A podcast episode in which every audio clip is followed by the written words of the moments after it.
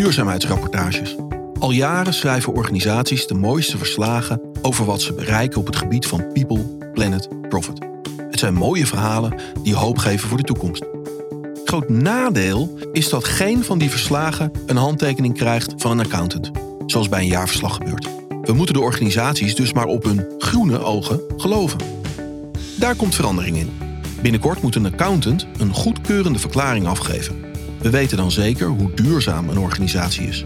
Mooie praatjes zullen door de accountant worden afgeserveerd. Ik praat met Jirina van Daal, RA en duurzaamheidsspecialist van Flint, en Wouter Spaargaren, controller bij Bolster Investment Partners. Welkom bij Werk met Waarde, de podcast van Marcus Verbeek Preem. Mijn naam is Karel Zwaan. Jirina Wouter, uh, uh, uh, welkom. Ja, mijn, mijn eerste vraag. Ehm, en ik begin met jou, Jirina. Wat was het eerste moment dat jij hoorde over duurzaamheidsverslaggeving en was je meteen enthousiast?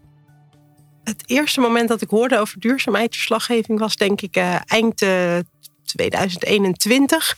Dat ik inderdaad te horen kreeg van goh, er komt een CSRD aan. En we zoeken eigenlijk bij Flint een accountant die ons wil gaan helpen om die ja, die CSRD te begrijpen en ook inderdaad dienstverlening op te gaan zetten richting de klanten. Uh, en ik heb toen echt even moeten googlen van oké, wat, wat überhaupt, wat ja. waar staat die afkorting voor, wat is het? En um, al heel snel werd ik toen wel enthousiast dat ik dacht van oh, maar dit is eigenlijk wel hetgeen waarom ik zelf accountant ooit ben geworden. Hè? Uh, inderdaad, je gaf het al aan, groene praatjes, dat soort dingen. Uh, ja, onrecht, uh, onrechtvaardige informatie. Ja, daar wil je tegen strijden. En dat kan op dit thema denk ik heel erg, uh, erg goed en mooi. Dus ik was wel uh, direct enthousiast. Hoe lang is het ongeveer geleden? nou, dat is dus nu bijna een kleine twee jaar geleden. Ah, oké, oké. En in, in die tijd, want jij bent Hè, want je bent heel bescheiden over hoe je. Jij, jij, bent zo ongeveer, als ik jou volg op LinkedIn. En nou ook de, de positie die binnen uh, Marcus Verbeek uh, Prehab uh, hebt. Toch wel de duurzaamheidsspecialist van Nederland aan het, aan het worden. Dat begint zo langzaamaan te, ja, wel zo te zijn. Het valt me inderdaad ook wel op dat er niet heel veel mensen. en nou, of dan wel echt accountants zijn die zich ermee bezighouden. Want waar je ook spreekt, afgelopen week ook de accountantsdag. Je komt telkens dezelfde mensen inderdaad weer tegen.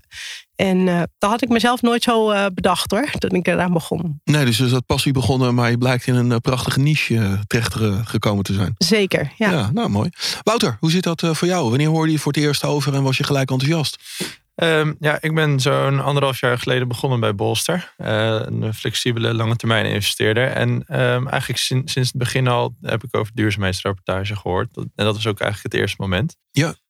Um, eerst enthousiasme nou, ik ben financial controller. Weer een rapportage erbij. Denk je, hmm, misschien toch niet helemaal. Nee, precies. Maar uh, ga even een stap verder en dan denk je wel van... hey, deze rapportage is gewoon een middel om eerlijk en transparant naar de buitenwereld te zijn. En dat is wel echt de gedachte die ik er uiteindelijk bij kreeg. En dat is ook wel waar mijn enthousiasme vandaan komt. Ja, want, want even voor de goede orde. Hè, uh, uh, Bolster is een private equity uh, partij. Jullie Klopt. hebben 28 deelnemingen? Uh, het zijn ietsje minder, we hebben 20 deelnemingen. 20 deelnemingen. Ja. Ik doe marketing, hè, dus het, bij mij zal er ietsje meer. Maar hè, dus jij, jij kijkt natuurlijk als, als controller naar Bolster zelf. Mm -hmm. Maar ook met die deelnemingen. daar gaan we straks nog uit over hebben. Maar je bent ook met die deelnemingen aan de slag geweest. Klopt, zeker weten. Nee, in eerste instantie kijk ik echt naar Bolster zelf. dus het grootste gedeelte van mijn werk is echt wel financial control van Bolster.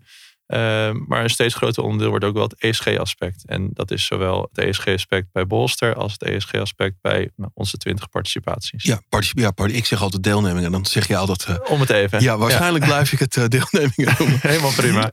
um, ja, ik, laten we ja, eens openen met, met de vraag voor mensen die denken: CSRD of CSRD, duurzaamheidsverslaggeving.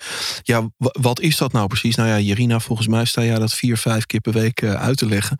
Dus ja, wat is het? Waarom doen we het? Wat levert het op?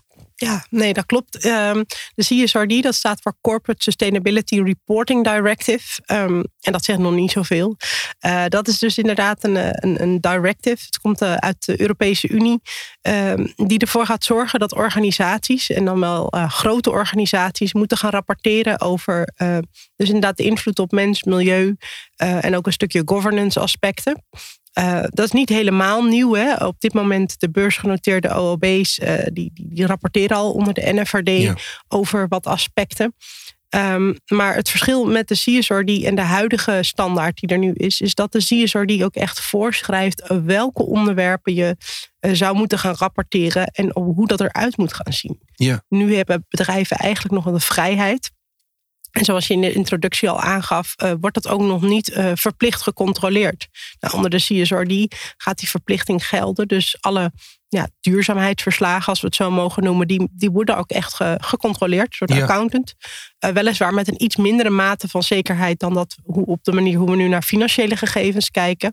Um, maar ik denk nog steeds dat dat inderdaad hè, meer richting geeft en dat we daar ook meer houvast aan kunnen hebben in het maatschappelijk verkeer. Ja, want hoeveel, hoeveel, om hoeveel bedrijven gaat het? Denk je die in Nederland, hè? niet in Europa? Nou, als je nu zo, zo kijkt, de, de, de, de SER die heeft daar een, eh, een uitspraak over gedaan. En ik, ik weet het niet meer helemaal uit mijn hoofd, maar dat komt in rond de 10.000, uh, in de 10.000 ergens uh, ja. aan organisaties ja, in Nederland. Jij wil zeggen 9.827, maar dit is prima, ongeveer 10.000. In ergens daar, daar moet je aan denken inderdaad in, in Nederland hoeveel organisaties het gaat. Ja, en voor de mensen die luisteren en denken: oh, maar ik zit bij een wat kleinere organisatie, dat zal mijn tijd wel duren. het, is, het is wat ik, wat ik nou, van jou en van andere experts lees. Gaat dit ook impact hebben op bedrijven die zelf niet uh, er zit een soort, soort, soort ja, rimpeleffect uh, Eens, dat noemen we de ketenwerking inderdaad. Hè. De ketenwerking houdt eigenlijk in dat nou ja, grote organisaties die moeten een rapportage maken.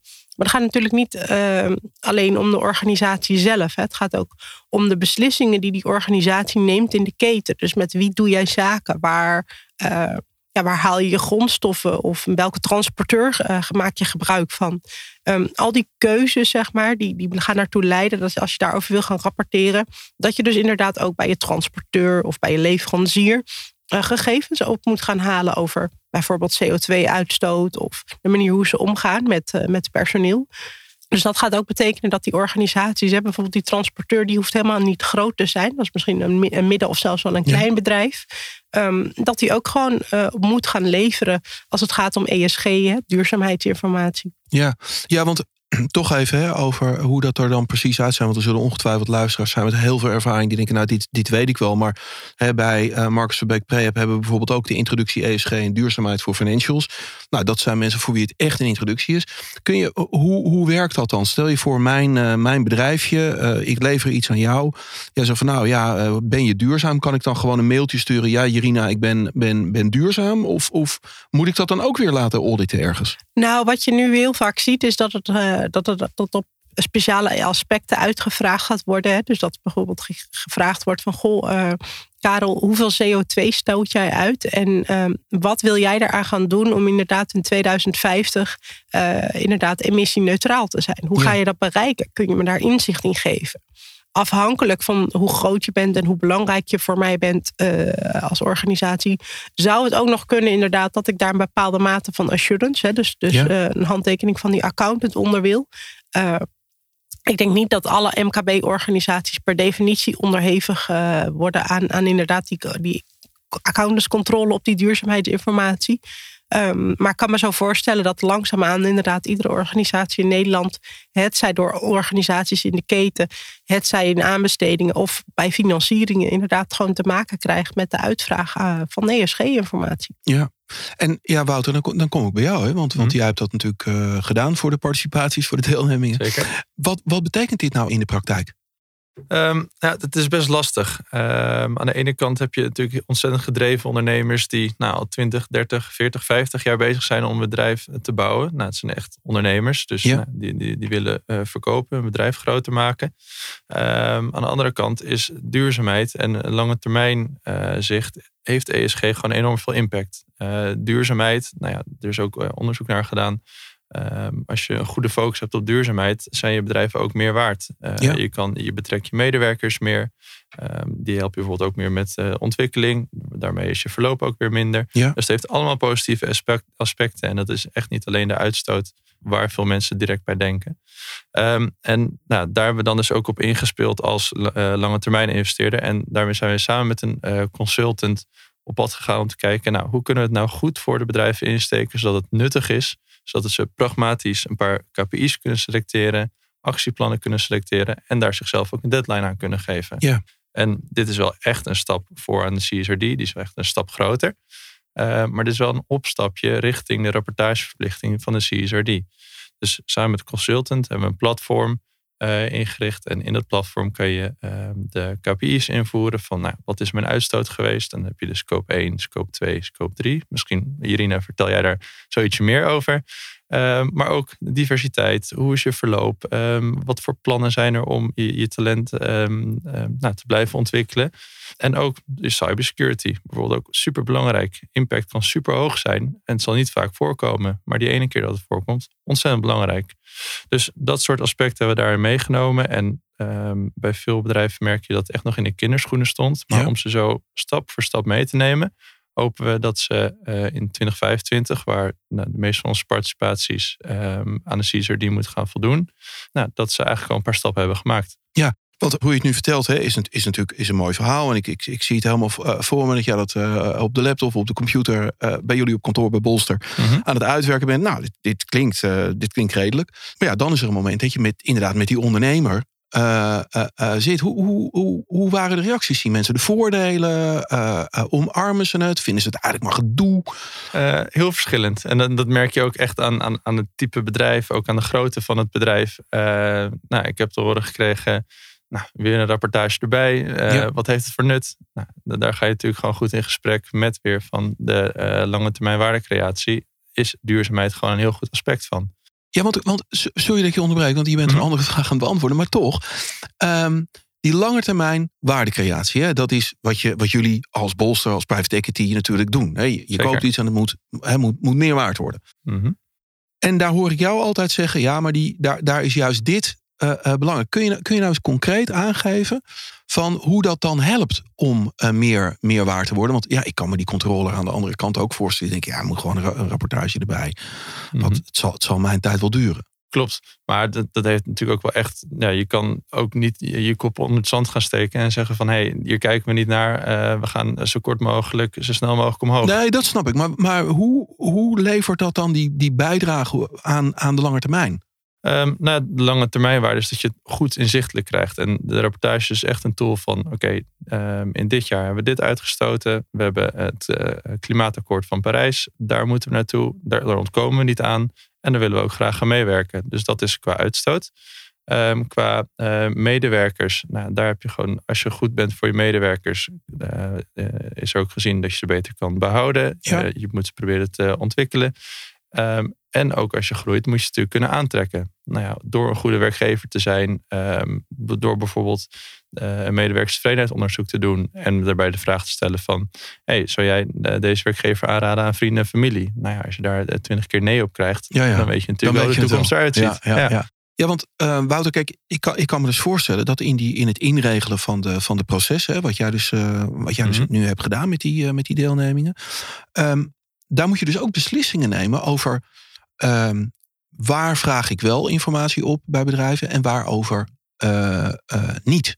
Klopt. ik kan me voorstellen, mijn marketingbureau, dat je denkt, joh, laat lekker gaan. Maar kun je iets zeggen hoe jullie die beslissing hebben genomen? Ja, um, nou dat is vooral ook heel erg in samenwerking gegaan uh, met de participatie. Um, wat we hebben gedaan aan de voorkant is, er zijn uh, in het platform zo'n 30 thema's beschikbaar. En ja. we hebben per participatie zo'n 5, 6 thema's uitgekozen wat goed past bij die participatie. Dus Nou ja, participatie die vooral met mensen uh, werkt, zie je op uh, de kaders van E, S en G, dus environment, social en governance, vooral veel thema's op de S-toepassing uh, hebben.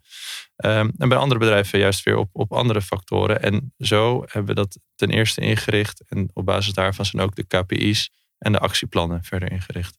Ja, want jij hebt wel eens gezegd, Irina, het gaat er natuurlijk voornamelijk om welke ambitie je hebt eens, dat ook. Want wat ik me ook wel afvraag is inderdaad, ja, nu heb je inderdaad een platform eh, beschikbaar gesteld als voorloper op die CSRD. Uh, maar die CSRD die gaat natuurlijk zo meteen vragen, ja, doe een double, double materiality assessment.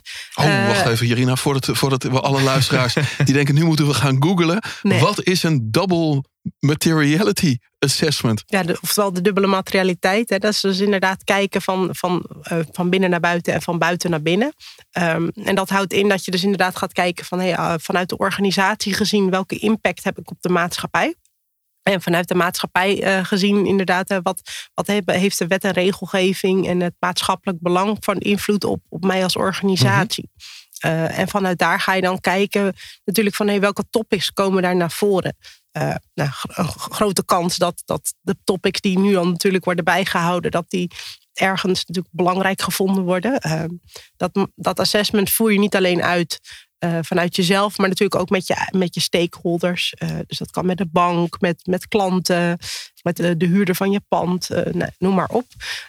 zou dat, ja, moet je dat gaan uitvoeren natuurlijk. En daar zouden nog wel eens veel meer thema's uit naar voren kunnen komen natuurlijk. Ja, zeker weten. Nou, en, daar zijn we ook ons, ons wel bewust van. Um, het, blijft ja, lastig om. De CSRD blijft natuurlijk heel erg in beweging. Uh, de wetgeving is nu door de EU geaccepteerd. Dan moet het nog in de Nederlandse wetgeving terechtkomen. Dus het is nog niet helemaal zwart-wit. Uh, maar nou ja, door dit platform hebben we wel geprobeerd dus echt een opstapje te creëren. Uh, en inderdaad, de dubbele materialiteit gaat een stuk uitgebreider worden. En de hele CSRD-rapportage ook. Maar uit het platform komt ook een automatisch gegenereerd PDF, die je dus bijvoorbeeld al kan delen met accountants, met banken. Uh, bijvoorbeeld bij tenders zien we het ook gebeuren. Bij sommige bedrijven zie je dat het commercieel super interessant is. Um, als je nou, bepaalde uh, zaken van MVO heel goed op orde hebt.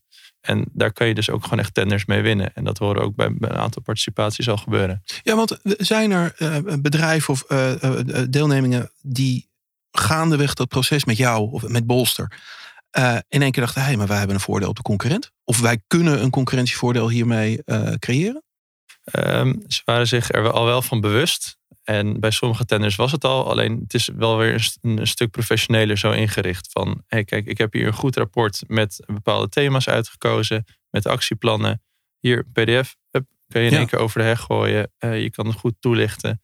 en het is gewoon een stuk professionalisering. En weer dat je even goed nadenkt van wat is belangrijk voor ons en waar gaan we ons op richten? Ja.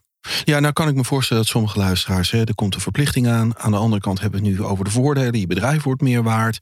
Uh, je kan zelfs een concurrentievoordeel uh, bereiden. Die denken, nou, fantastisch. Maar waar moet ik beginnen? Irina, ik, ze bellen jou en ze zeggen help. Wat, wat, wat, wat doe ik dan? Nou ja, wat ik, wat ik eigenlijk altijd heel erg uh, ga doen, is inderdaad kijken van goh, wat voor organisatie ben je? Hoe, hoe zit jouw organisatie in elkaar? Uh, nou ja, neem Bolster als voorbeeld, daar, daar zitten twintig participaties uh, onder. Ja. Dus dat betekent dat je best wel een, nou, noem ik altijd een mooie kerstboom aan, aan BV's of misschien wel MV's hebt. Dat je eerst eens gaat kijken van hey, hoe ziet die consolidatiekring eruit? Dus wat zit er binnen die kring en op welk niveau ga ik inderdaad die CSRD-rapportage uitbrengen. Dus wie, wie in de groep wordt verantwoordelijk voor het opstellen van die rapportage? Uh, dit kan zeker zo zijn. We hebben natuurlijk ook heel veel internationale groepen. Dat de moeder uh, in Amerika zit. Maar in, in Nederland hebben we bijvoorbeeld wel grote organisaties. Dan moet je heel erg gaan kijken van ja, wie is wanneer verplicht en wat is dan handig. Op welk niveau gaan we het neerleggen. Ja. Dat is de eerste keus die we heel vaak maken. De eerste vraag is, wie gaat het doen? Wie gaat op het welk doen? niveau? Ja, op welk niveau gaan we rapporteren? Uh, dat is heel belangrijk ook voor je, uh, voor je informatieverzamelingen. Zoals uh, net al aangegeven werd, zo'n platform inderdaad. Dat kan enorm helpen voor een hele groep. Dat iedereen uniform natuurlijk alles bijhoudt. Ja. Zodat je het ook weer heel goed en heel mooi kunt samenbrengen in één verslag. Als je het op het allerhoogste niveau in die groep moet, moet gaan rapporteren. Dus dat, ja, dat is echt essentieel om te weten.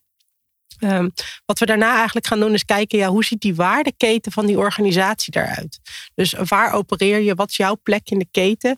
En met name ook van, ja, wie, wie zijn je stakeholders? Hè? Ja. Zodat je inderdaad weet met wie moet ik zo meteen in gesprek. Dat zijn denk ik wel de eerste stappen die je moet gaan zetten als je ja, met die CSRD aan de slag wil. Um, en zodra je dat eigenlijk van jezelf weet, uh, kun je ook van start gaan met die, met die dubbele materialiteitsanalyse wat dat betreft. Ja, en, en, daar, en daar zit dus hè, in van nou op dit niveau ga ik het doen. Ik, ik geef het even terug. En twee, dat is dat, dat niveau waar we het net even over hadden. Dat bijvoorbeeld mijn leverancier van bedrijfswagens, ja, die wel. Uh, mijn, uh, mijn marketingbureautje, joh, laat lekker gaan. Um, uh, daar brandt het licht en die hebben één auto. Nou ja, bij wijze van ja. inderdaad. Hè, dat, je daar, dat je daar een keuze in maakt van goh, over wie neem ik wel mee en wat is van minder belang. Of uh, dat je een keuze maakt van, goh, ik neem in, uh, in 2025 neem ik uh, inderdaad de, de, eerste tien belangrijkste stakeholders mee. En ik heb de ambitie om in 2040 inderdaad de kleinere marketingbureaus en al dat Ja. soort dingen, om dan daarmee aan de slag te gaan. Omdat Ja. Ja, dan is, dan is het waarschijnlijk ook bij hun langzaamaan ingegroeid. En, en kan ik ervan uitgaan dat uh, ja, de, maatschappij zo is ingericht. dat ook dat marketingbureau inmiddels in een elektrische auto rijdt. en misschien wel zonnepanelen op het dak heeft. Ja, precies. Hey, en, Oké, maar dan weten we uh, wie de stakeholders zijn. welke we wel doen, welke we niet doen, op welk niveau. Zijn we klaar? Nee, ja, dan zeker niet. Hè. Dan, dan gaan we eigenlijk, dan komt het echte werk. Als we het hebben over ESG, dan ga je aan die discussie, of nou ja, discussie, dan ga je inderdaad onderzoeken uh, welke thema's uh, zijn voor mij van onze organisatie van belang. Hè? Want we spreken de hele tijd over E, S en G. Ja.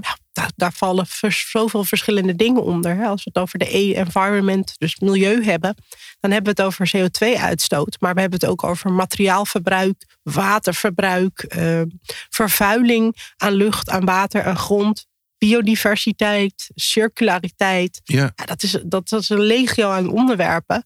Um, waar je gewoon moet gaan bepalen van ja, hoe speelt dat onderwerp? Als mijn in, welke invloed heb ik en hoe raakt dat onderwerp mij? Ja, hebben jullie die discussie gehad met, met jullie deelneming? Ja, zeker weten. We hebben um, een van de participaties die nog best wel wat stappen had te maken. Die nou, heeft ontzettend veel verschillende leveranciers. Dus nou ja, zeker met de scope 3 van hey, waar komt materiaal vandaan? Wat is de uitstoot? Um, ja, dat is een ontzettend lastige discussie. Die hebben ook sinds kort een sustainability officer aangenomen. En daar merk je ook, die doet inderdaad de stakeholder analyse, gaat heel gedetailleerd uh, aan de slag. Met van, oké, hoe komen we vanaf nou, dit punt waar we nu zijn, wat nou, uh, uh, nog wel wat stappen te maken heeft, naar de CSRD, waar we in uh, begin 2025 aan moeten gaan rapporteren. Ja. Dus die heeft met alle stakeholders gesprek aangegaan. Wat zijn belangrijke thema's? Waar gaan we op rapporteren? En dat, nou, dat is dan weer input voor de dubbele materialiteitsanalyse. Ja, want die, die scope noemde je nu niet helemaal in het begin. Dus daar komen we nog even uh, op terug op enig moment. Dat is in welke, hoe je naar je leveranciers kijkt of zo. Is dat welke, welke geef ik. Nou, ik zie Irina al schudden. Irina, wat, wat, leg uit. Nou ja, scope 1, 2 en 3, dat komt eigenlijk uit het Greenhouse Gas Protocol. En dat gebruiken we om, uh, om eigenlijk uit te drukken waar uh, uitstoot plaatsvindt. Scope 1, dat is eigenlijk de uitstoot die als organisatie zelf uh, veroorzaakt. Ja. Dus hier op locatie. scope 2 is de inkoop van, van, van, van warmte en elektriciteit. Uh, en scope 3, dat is eigenlijk eh, de keten, uh, uit, de uitstoot in de keten. Dus dat kan zowel aan de toeleveringskant als inderdaad in de doorlevering uh, zitten. En daarmee drukken we dus eigenlijk uit waar heeft die uitstoot plaatsgevonden. En dat drukken we uit in scope 1, 2 en 3. Ja. dat zie je nu ook al in jaarverslagen van bijvoorbeeld een Philips of andere organisaties die over CO2 rapporteren. Dat is eigenlijk een uniforme wijze, zodat we een beetje kunnen vergelijken van goh, waar, waar zit dan de uitstoot? De meeste organisaties hebben toch wel de meeste uitstoot zitten in de scope 3, ehm, wat dat betreft. En daar zie je ook, en dat stelt eigenlijk hoe belangrijk het is dat je ook met je waardeketen, dus met je ketenpartners, in gesprek gaat. Hè? Want ja, wil je impact maken, dan ja, valt daar de grootste impact te maken. Ja. Het is tegelijkertijd de grootste uitdaging ooit natuurlijk. Ja, ja want, want volgens mij ben jij ons door een heel handig uh, stappenplan aan het uh, uh, halen. En, en nou, ik zie ook heel veel herkenning bij Wouter. Die denkt, ja, dat hebben we ook gedaan.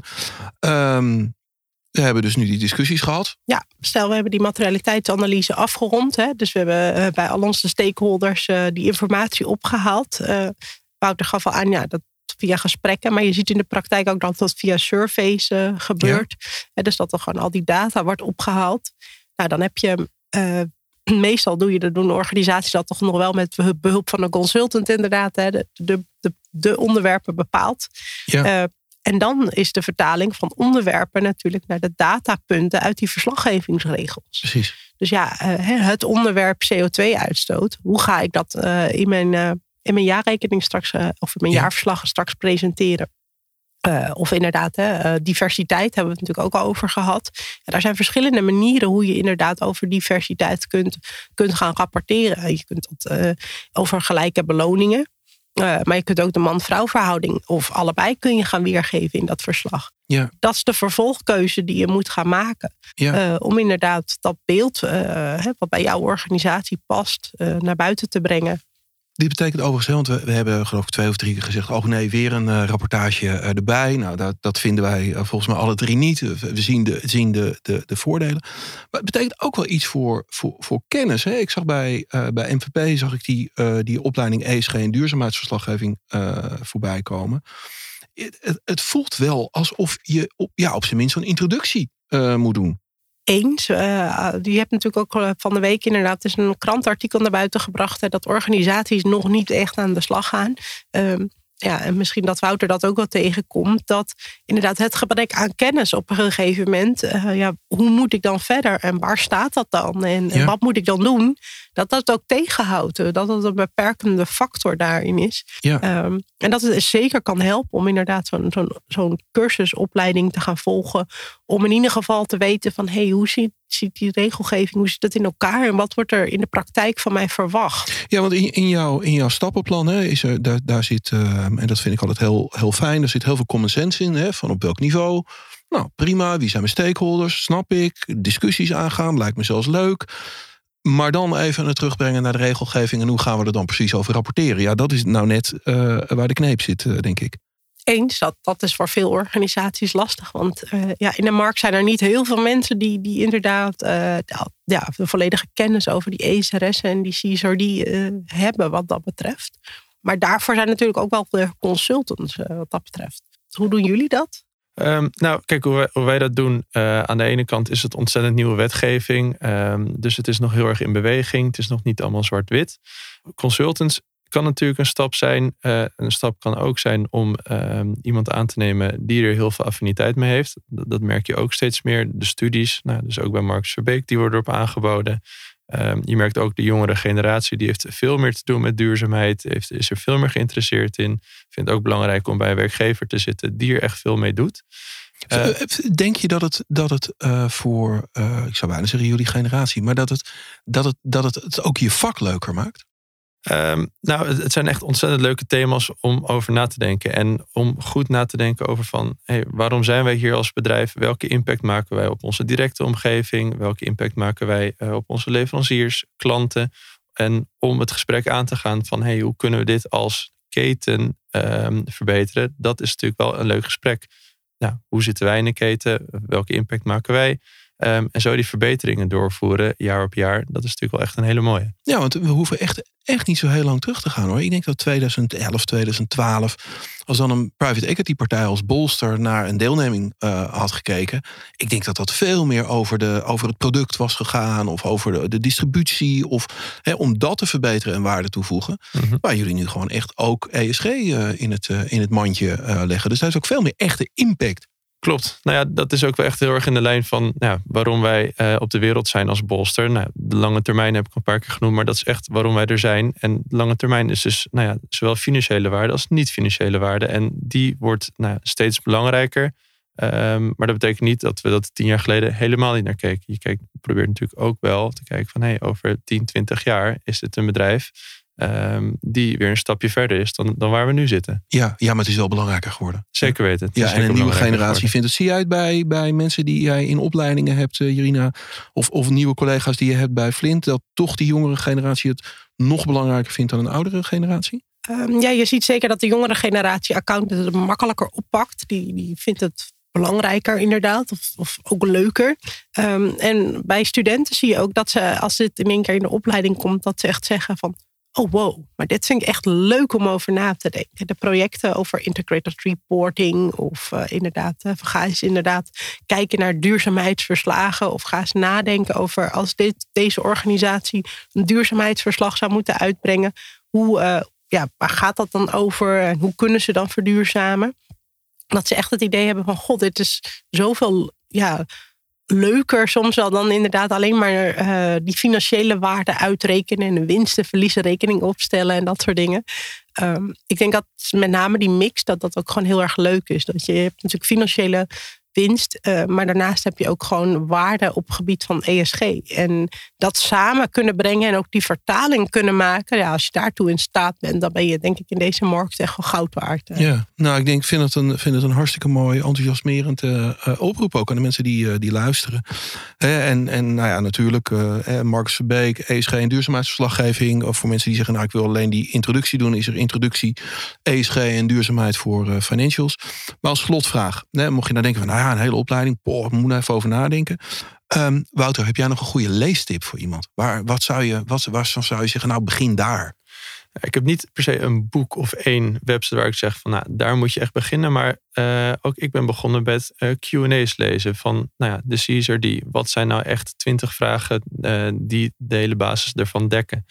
Um, en daarnaast kijk ik nou, misschien nu wel eens in de drie weken een webinar over de Caesar die aan de ene kant om goed bij te blijven, maar ook om te zien van wat gebeurt er in de markt.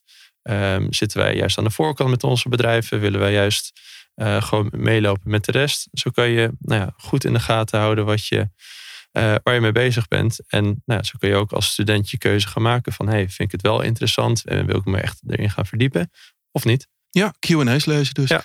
Jurina, jij nog een uh, tip? Uh, ja, ik denk dat uh, de, de white webinars sowieso goed zijn. En er zijn ook wat whitepapers vanuit de MBA geschreven over duurzaamheid. En naast dat het inderdaad keihard over CSRD gaat, is er vorige week ook inderdaad een, een bundel uitgekomen met duurzaamheidsdilemma's. Dus inderdaad, waar wat kun je tegenkomen in de rol van accountant, maar ook in de rol van accountant in business, oftewel als controller. En die is ook van de MBA. En die is ook van de MBA. Uh, dat, dat, dat, geeft ook een beetje een beeld van ja, waar gaat het nou allemaal over? Uh, en uiteindelijk zul je zien dat je, ja, als je in, in, iets leest of iets kijkt, dat je inderdaad zelf weer meer vragen hebt. En dan ga je vanzelf wel zoeken van hé, hey, waar kan ik dat vinden? Uh, en voor je het weet, inderdaad, heb je je hele eigen leeslijst ontworpen. Ja, er is een hoop werk aan de winkel. Wouter, Jirina, hartstikke bedankt.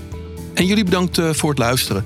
En mocht je dat nog niet uh, hebben gedaan, uh, abonneer je dan op Werk met Waarde en mis nooit meer een podcast van Marcus Verbeek Prehab.